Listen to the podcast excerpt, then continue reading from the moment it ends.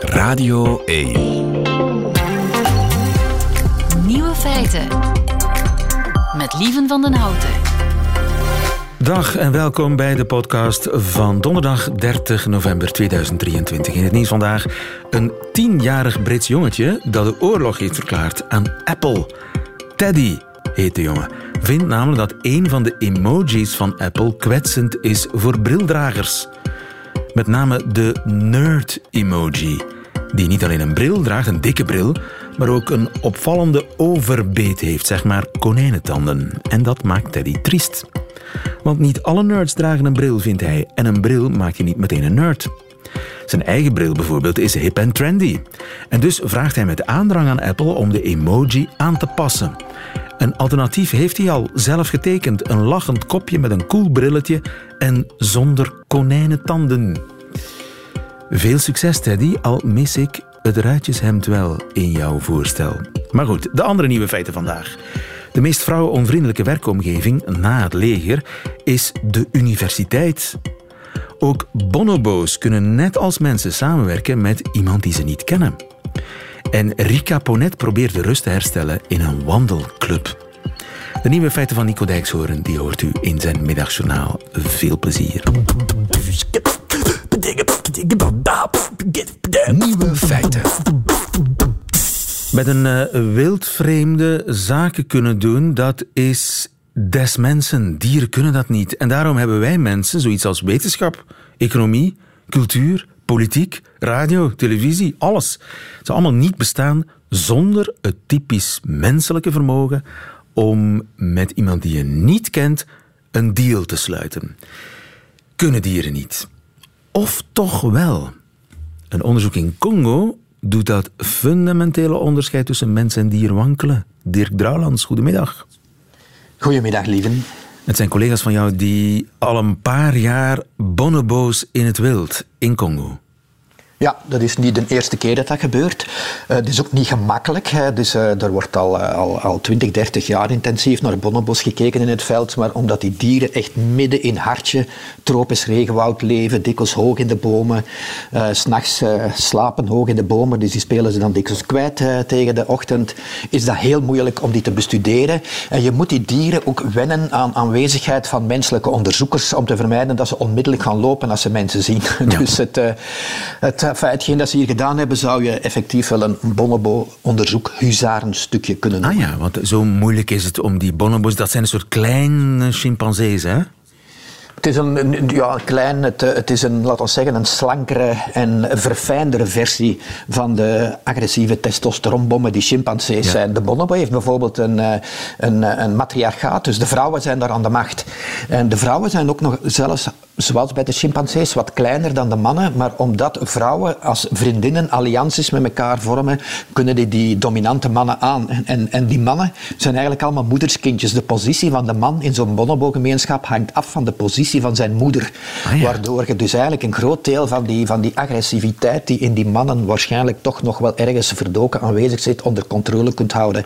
Terwijl die bij chimpansees maximaal explodeert, waardoor dat, dat een veel agressiever dat zijn hooligans, hè? In, in vergelijking met bonobo's, die, die lossen die niet alles op met seks? Dat is toch grappig, ja, hè, een bonobo's?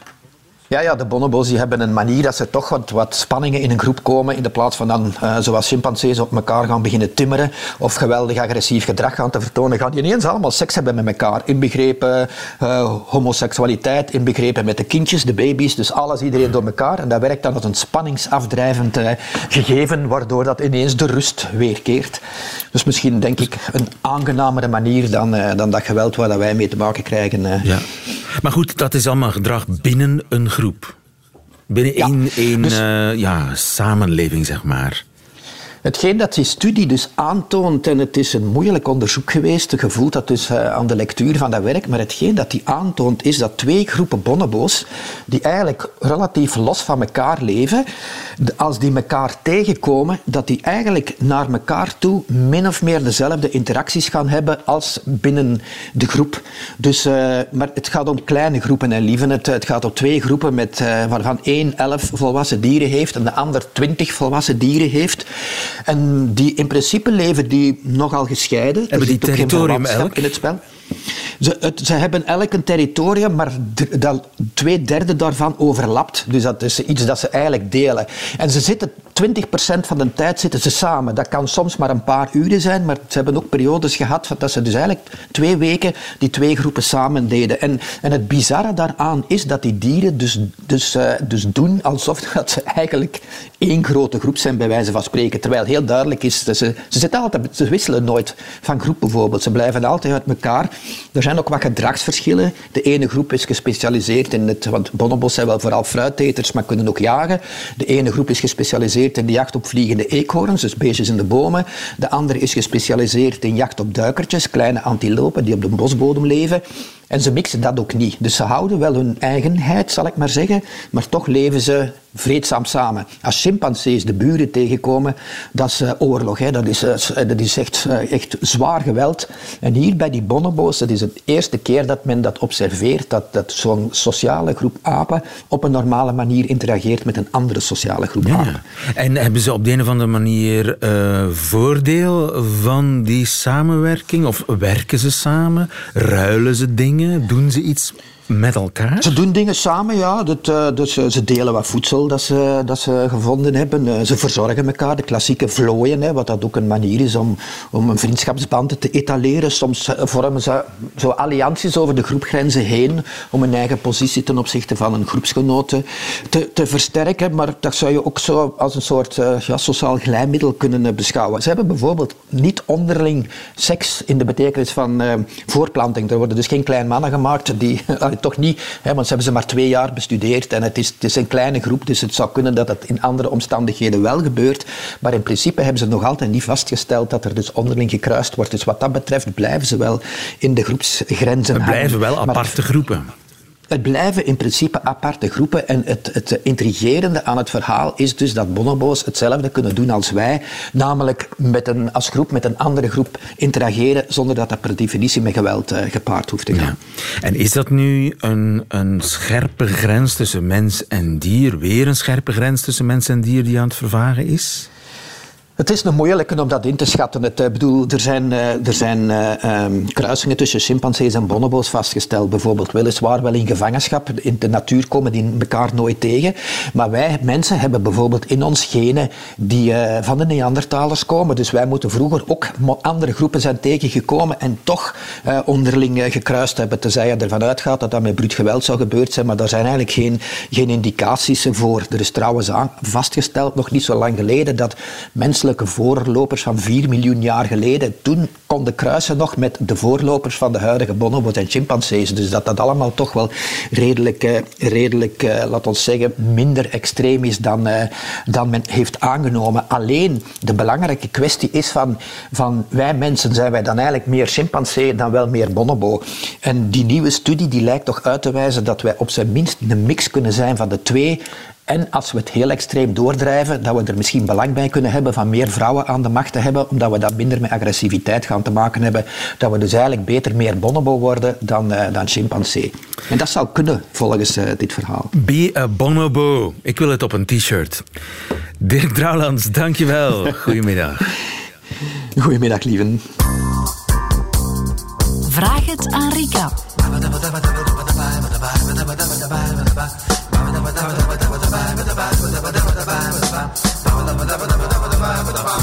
Vriendschapsknopen en liefdesdilemma's en familiale kwesties zijn allemaal welkom op het bordje van Rika Ponet. Goedemiddag, Rika. Goedemiddag. Zoals, zoals elke donderdag is zij te gast in Nieuwe Feiten en heb ik een brief voor haar. Het is een brief van uh, Louise vandaag. En Louise schrijft... Ik schrijf in naam van een groep wandelaars. Vrienden voor wie wat ik hier beschrijf een zeer moeilijke zaak is. Alright. Mm Onze wandelgroep, schrijft Louise, bestaat al meer dan twintig jaar. Er is een vaste kerngroep die sporadisch verandert. Er kan iemand moeilijker wandelen bijvoorbeeld, een partner valt weg, er komt een nieuwe partner die wil meewandelen. Dat verloopt allemaal in een goede sfeer. De groep is op de hoogte van de nieuwe partner. Er wordt nog een paar maanden gewacht vooraleer de nieuwe partner geïntroduceerd wordt in de wandelgroep. De nieuwe partner zoekt de eerste keren uit wat de cultuur is van de groep. Ja, niet simpel hè, zo'n wandelgroep. Dit staat Ik dacht natuurlijk... dat het gewoon over wandelen ging. Nee, nee, nee, nee, kennelijk niet. Eh, dit staat natuurlijk nergens op papier, schrijft Louise, maar er is een cultuur die tot nog toe door iedereen gerespecteerd wordt. Maar een vriendin is na een zwaar ongeluk immobiel geworden en daardoor zeer afhankelijk van haar partner. Beiden wandelden mee. Sinds het ongeval lukt het alleen nog voor de partner. In de thuissituatie werden zij door velen van de groep ondersteund. Na vele jaren zorg, jaren zorg, heeft deze partner een nieuwe relatie. Een dame die regelmatig op bezoek kwam, maar langzaam werd duidelijk niet voor de gehandicapte vriendin, wel voor de partner. Sinds een paar maanden is alles een rollercoaster geworden. De partner die zorg nodig heeft, is voorgesteld in een trio-concept te stappen. Ja. Zij weigerde en heeft een aangepast woonverblijf gezocht. De nieuwe vriendin verschijnt nu onverwachts op samenkomsten van de wandelgroep. Er is nooit overleg geweest of op zijn minst informatie gegeven aan de groep. De nieuwe partner is zeer expliciet aanwezig. Ze is voor de mensen van de groep een loyaliteitsprobleem. Grootste probleem van de meesten is de snelheid waarmee alles verloopt. Het respectloze verloop naar zowel de vroegere partner als naar de vriendengroep. De onrust bij iedere wandeling geconfronteerd worden met deze nieuwe situatie, met onze vriend en met zijn nieuwe partner. Hoe moet ik dit aanpakken? Ja, je blaast. Ehm, ik denk dat we dat zo'n beetje kunnen samenvatten, los van dat wandelen. Hoe ga je als vriendengroep om met een scheiding van Ja. vrienden? Hè? Want dat is het eigenlijk. Hè? Daar heb je meestal een soort loyaliteitsprobleem, hè? Ja, ehm, en ehm, ja, wat ik dan Voor wie kiezen we? Voor wie kiezen we? Ja. Moeten we kiezen? moeten we kiezen. Ehm, en wat je hier natuurlijk wel heel sterk voelt, ook al vanuit de manier waarop het verhaal verteld wordt, is ehm, ja, dat er toch een moreel oordeel ehm, wordt uitgesproken. Of dat dat leeft in die groep. En dat dat, dat ook hetgene is wat het nu zo moeilijk maakt. hè. Hij heeft zijn gehandicapte vriendin in de steek gelaten. steek gelaten. En dan eigenlijk eh, wordt hij nog niet zozeer met pek en veren de wandelclub uitgekeken, maar is het vooral die nieuwe vriendin die, ehm, ja, waar zij de conclusie rond maken. Ze kwam niet voor de gehandicapte vrouw, maar voor, ehm, voor de man in kwestie. Dus dat is de foute, de stoute verleidster die ervoor gezorgd heeft dat dit nu ehm, gebeurd Ja, is. maar intussen is de sfeer in de wandelclub wel onder Ja. nul. Ehm, ik vind, ehm, en dat is, een, dat, is niet, dat is geen gemakkelijke, hè. je bent geëngageerd naar twee mensen, zeker als je daar dan ook in die thuissituatie, die duidelijk moeilijk was, hulp gaat bieden. Ehm, eh, er gebeurt daar dan iets waardoor je het gevoel krijgt, ja, hij, ehm, hij doet iets wat ingaat tegen mijn moraliteit. Ehm, hij bedriegt iemand die ik een, als een fijne vrouw ervaar, of waar ik veel empathie voor heb, voor haar situatie, voor haar moeilijke situatie. Ehm, dus je, je, je ziet ja, ehm, dat daar een, een vorm van boosheid en eigenlijk ook een gevoel onder zit van eh, wij zijn op onze manier ook een stukje bedrogen. Hè. Ja. Hij heeft, de Want hij zegt, er was geen overleg Ja, ehm, en, en het maar- is allemaal veel te snel gegaan. Hij heeft ze gewoon meegebracht en wel maar te Ja. slikken. En op zich is dat niet zo'n probleem. Weet je, hij komt al een hele tijd alleen wandelen. Hè? Dat is duidelijk. Hij brengt nu een nieuwe vriendin mee. Inderdaad, het was verstandiger geweest om dat te introduceren of om het daar even over te hebben.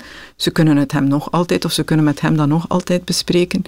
Maar ik denk dat het erg belangrijk is om de, ehm, ja, die hele situatie eh, los te koppelen van het morele oordeel. Doe je dat nu? eh, je partner in de steek laten die, ehm, ja, die, die ziek is of die gehandicapt is. En dat is hetgene wat nu in de weg zit. Hè. Ja. Zij Moeten ze dan dat morele oordeel parkeren? Zeggen van kijk, Het is in scheidingen nooit een goed idee om partij te kiezen. En waarom, lieve? Omdat je eigenlijk niet weet wat er achter de voordeur gebeurt. Dat weet Eh, niemand. Nee. We gaan daar altijd heel makkelijk van uit en van op een afstand. Eh, we vellen een oordeel, we kijken naar een situatie en we maken daar ons verhaal van. Eh, niemand weet wat zich tussen twee mensen nee, heeft afgespeeld. Absoluut niet. En dan gaan we heel snel ons identificeren met het slachtoffer. En waarom identificeren we ons makkelijk met het slachtoffer in dit verhaal dan? We zien dan als het slachtoffer de vrouw die gehandicapt is, ja, dat is ook de narratief, en die dan alleen eens moeten gaan wonen. Oh god, toch arme voorstel om in een trio verder te moeten. En hoe erg is dat allemaal niet? Eigenlijk is dat omdat je jezelf in die situatie inbeeldt. Mocht mij dat overkomen, eh, hoe erg zou ik dat vinden? Ik ben er zeker van dat er zijn in de wandelclub die zich ook identificeren met hem, hè, want dat doet ze nu helemaal niet. Een man ja, die getrouwd is met een vrouw die een zwaar ongeval heeft, daar jaren voor zorgt. Er komt iemand over de vloer die meehelpt zorgen voor die vrouw. Zoals dat wel vaker gebeurt, ik zie dat ook in andere contexten. Een verpleegkundige komt over de vloer, een familiehulp. Ehm, ja, die begint deel uit te maken van dat gezin. Je wordt daar verliefd op, want je bent al lang mantelzorger, al heel lang dat jouw behoeftes als man of als partner in die relatie niet meer aan bod komen. Je begint daar een relatie mee. Wie zijn wij om daarover te oordelen, wat er op dat moment gebeurt? En die gehandicapte vrouw ziet dat niet zitten om dat toe te laten of om daarin verder te gaan. Er zijn er die dat wel doen, hè, die dan op dat moment kiezen voor wij blijven samen, ik ben blij dat dit verder kan gebeuren en wil jij voor die behoeftes dat verhaal, eh, oké, is moeilijk, is lastig, is niet simpel, maar we, ja, we nemen die horde. Dit hebben ze niet gedaan, dat is de beslissing die ze niet genomen hebben. Maar nogmaals, waarom zou de keuze die hij maakt niet even goed gevalideerd kunnen worden als een hele moeilijke levenskeuze? Ehm, en dat dan maar gewoon gaan zien als ja, weet je, dat is een egoïst die zijn vrouw in de Ja. steek gelaten heeft, die kwetsbaar is. En hij komt hier nu nog eens paraderen met een te aanwezige eh, nieuwe Ik zit te denken, ofwel is hij jullie vriend eh, en wil je graag met hem wandelen, wandel dan met hem en met wie hem En met lief zijn is. nieuwe keuzes, ja, absoluut. En Als dat kan- niet het geval is, wandel niet met hem. Ja, ehm, ja, als het effectief... Maar dat, ey, dat zal niet voor, nog eens voor de hele club niet van toepassing Ja. zijn. Zeker weten dat er een aantal waarschijnlijk vrouwen zijn die zich heel hard identificeren met de positie van die Ja. afgewezen vrouw. Moet er een groepsgesprek komen? Ja, wie weet. Maar misschien even goed toch wel een aantal mensen die toch ergens ook wel sympathie hebben of empathie hebben voor de keuze die hij gemaakt heeft. En nogmaals, wij hoeven daar niet over te oordelen. Het gaat erover, eh, wij hebben die twee mensen graag gezien als koppel. Nu zijn zij geen koppel meer. Er staat niets in de weg om die twee mensen verder te ondersteunen of te laten zijn wie ze zijn. En we accepteren hun nieuwe levenskeuze. Ehm, en eh, ja, kunnen we absoluut niet om met die vriendin. Ehm, dan hoop ik dat dat echt gaat over het feit dat die vriendin niet leuk is op zichzelf, als mens, als vrouw. En dat dat dan de reden is, maar niet omdat je haar ziet als ehm, de oorzaak van die hele echtscheiding. Ja. Maar als de hele groep er nu achter komt, hij is eigenlijk een zak. Ach, lieve, dat is zelden zo. Ik denk dat niet. Waarom? Al die jaren hebben ze die als koppel ondersteund. Mocht dat zo'n klootzak zijn, dan hadden ze die toch al veel vroeger uit die wandelclub geduwd. Dus ehm, ik vermoed dat het echt gaat over ja, de keuze die hij daar gemaakt heeft. Eh, dat, weet je, als we oordelen, dan verliezen we ook een stuk empathie. Ja. Eh, En oordeel, dat gaat altijd over onze Niet eigen oordelen angsten. is soms moeilijk, hè? Hele moeilijke, maar dat gaat echt over onze eigen diepere angsten. Mocht mij dat overkomen, ik zou dat verschrikkelijk vinden. En dus ga ik daarin een heel krachtig moreel standpunt innemen. Maar dat helpt niet in de context van een echtscheiding. Nogmaals, wat achter de deuren gebeurt, is soms een heel ander verhaal dan wat wij denken dat daar gebeurd is. Ik wens de, de groep nog veel wandelplezier. Ja, eh, ik ook. En er, er zal een hartig gesprek, een openhartig gesprek. dat niet? Tijdens het wandelen, Eh, waarom de Hoge Venen, zeer geschikt. moeten we daar aanvallend in zijn? Waarom kunnen we dat niet gewoon gewoon open bespreken. Hè. Spreek vanuit uw gevoel en bespreek het. Dankjewel Rika en dankjewel ook Louise voor je brief en je knoop. Ik hoop dat we jou uh, op weg geholpen hebben naar een, uh, nog een paar jaar wandelplezier ja. met z'n allen. Als er nog mensen zijn met vragen voor Rika, ze blijven welkom op Nieuwe Feiten uit radio1.be. Tot volgende donderdag. Zeker. Nieuwe Feiten.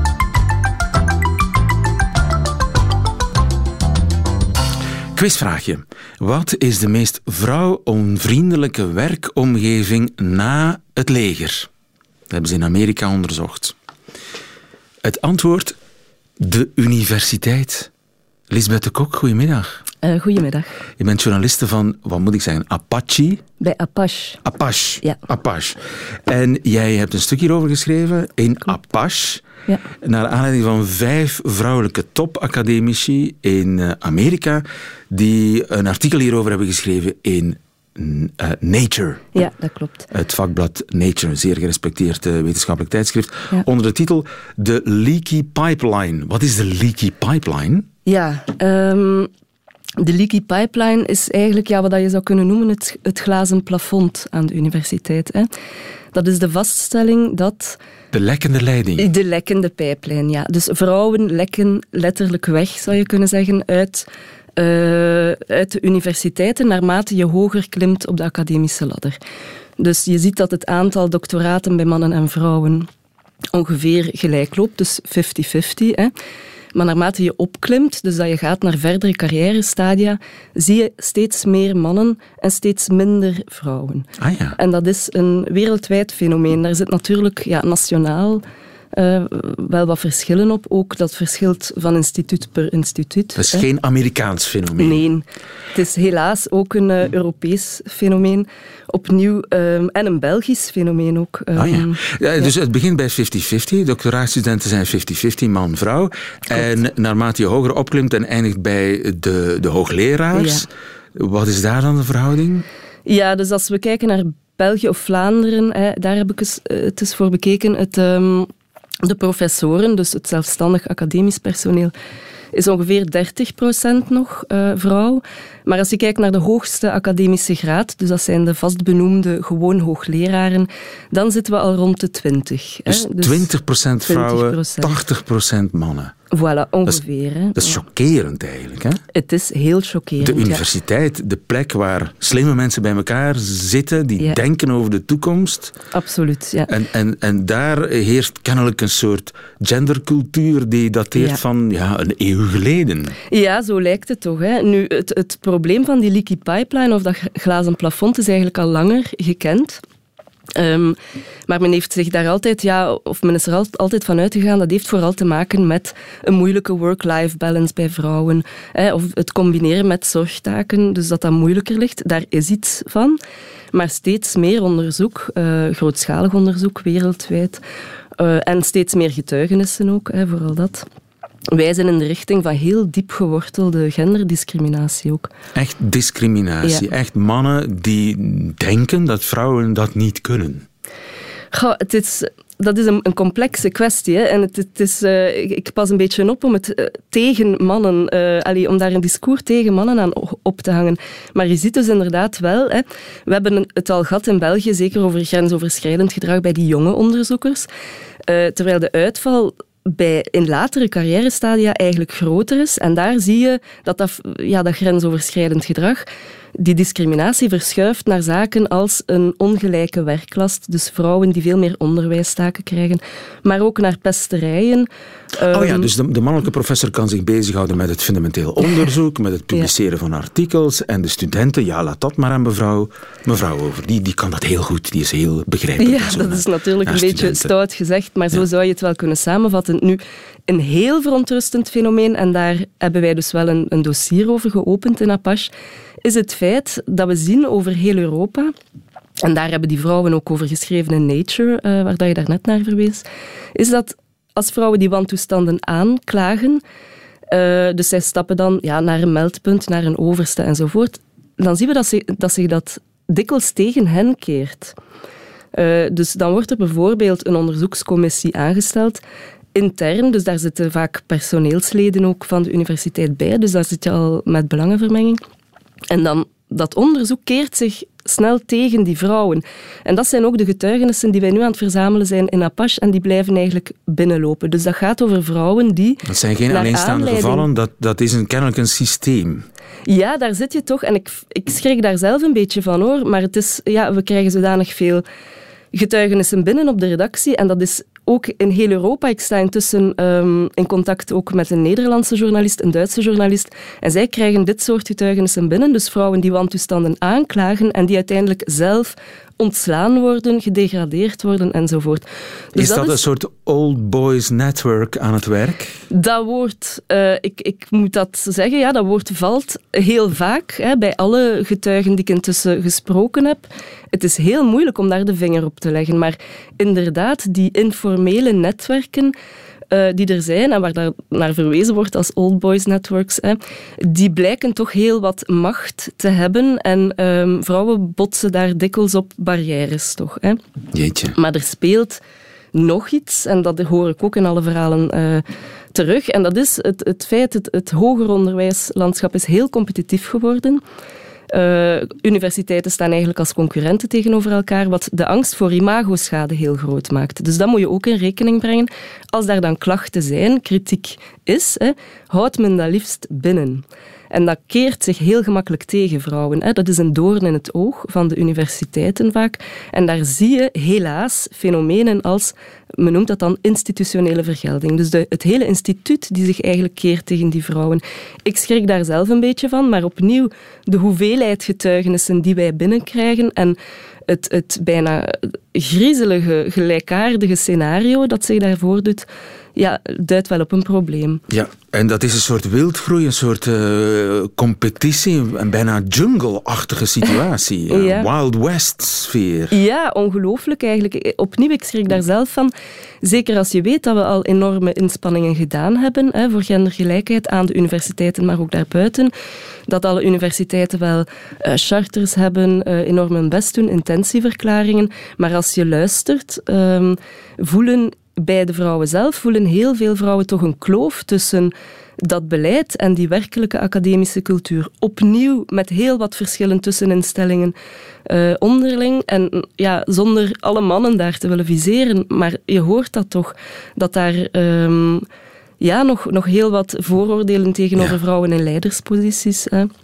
Dat soort zaken. Nu, uh, um, er bestaat zoiets als mansplaining. Hè? Dat woord ja. bestaat niet voor niets. Mannen uh, hebben de neiging om uh, zichzelf te overschatten wat kennis mm -hmm. betreft. Mm -hmm. vrouwen hebben misschien precies het omgekeerde. Uh, merken wij eigenlijk zelf ook vaak als we op zoek gaan naar, naar een specialist of een deskundige, ja. dat mm-hmm. vrouwen veel sneller doorverwijzen. Want ja, dat is niet mijn specialiteit. Terwijl mannen al sneller, de, ik ben nu heel erg aan het veralgemenen natuurlijk, mm -hmm. mannen al sneller de neiging hebben om te zeggen: ik zal eens uitleggen hoe dat in elkaar zit. Uh, speelt dat een rol?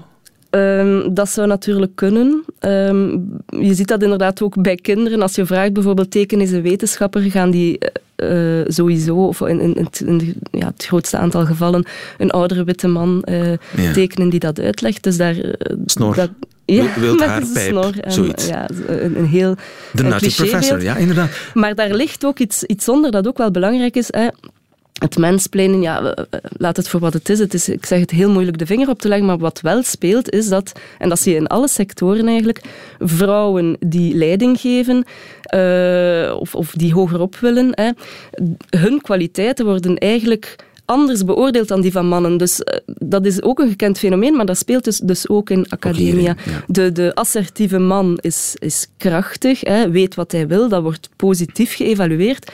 Een vrouw die zich eerder assertief, stellig opstelt, voilà. Ja. Hè.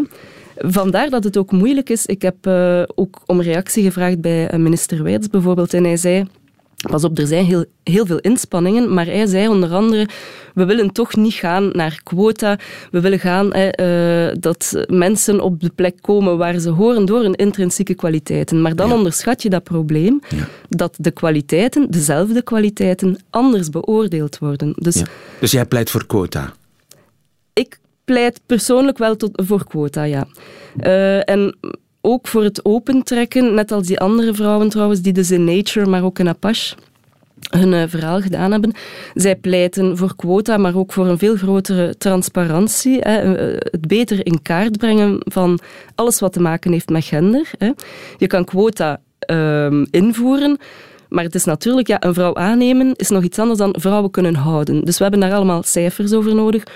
Hoeveel vrouwen worden er aangenomen? Hoeveel verlaten de instelling weer? Hoe zit het met de verdeling van Er zit een doctoraat in. Daar zit zeker uh, een doctoraat in, maar pas op, daar zijn mensen mee bezig. Hè. Ik uh, ben al een tijdje bezig met de problematiek nu. Um, en ik weet bijvoorbeeld professor Dunia Bourabin is daarmee bezig met dat soort zaken. Uh, zij is daarop gedoctoreerd ook. Dus daar zijn mensen mee bezig, maar daar, het, het bewustzijn, hè, ik denk maatschappelijk, blijft een beetje achter dat dit toch wel een, een, een groot probleem is. En dat we ons vooral eerst bewust moeten zijn voor, van het probleem voordat we het kunnen oplossen.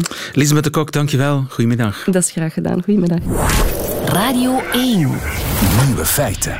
En voilà, dat waren ze, de nieuwe feiten van donderdag 30 november 2023. Waar is Nico Dijkshoorn mee bezig? Nieuwe feiten. Middagjournaal.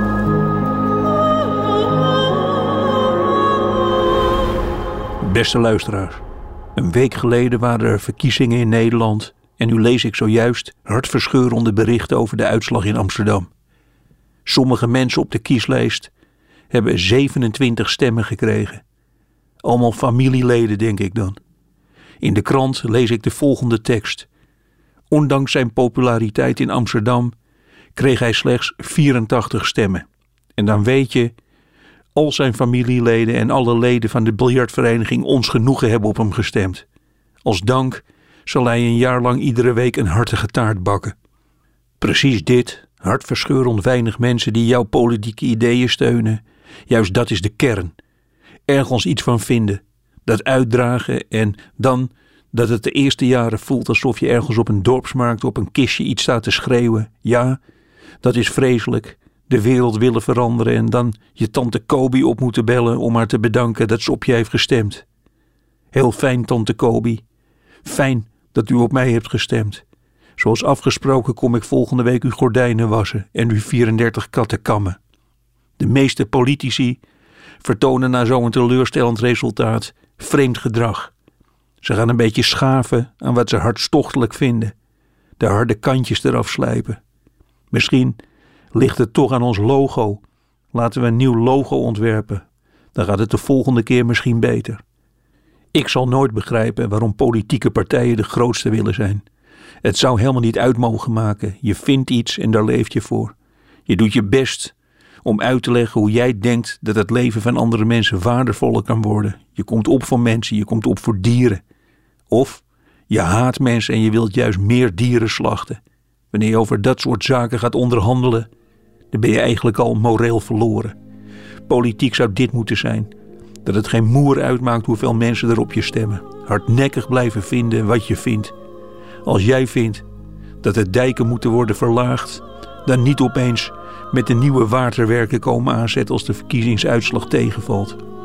Luisteraars, dat bedelen om kiezers, dat wanhopig zoeken naar een meerderheid, het heeft allemaal nog zo weinig te maken met politiek. Politiek is juist het omgekeerde. Dat ze je haten en beschimpen. En dan dat je na 45 jaar toch gelijk krijgt. En dat je dat dan viert met je familie.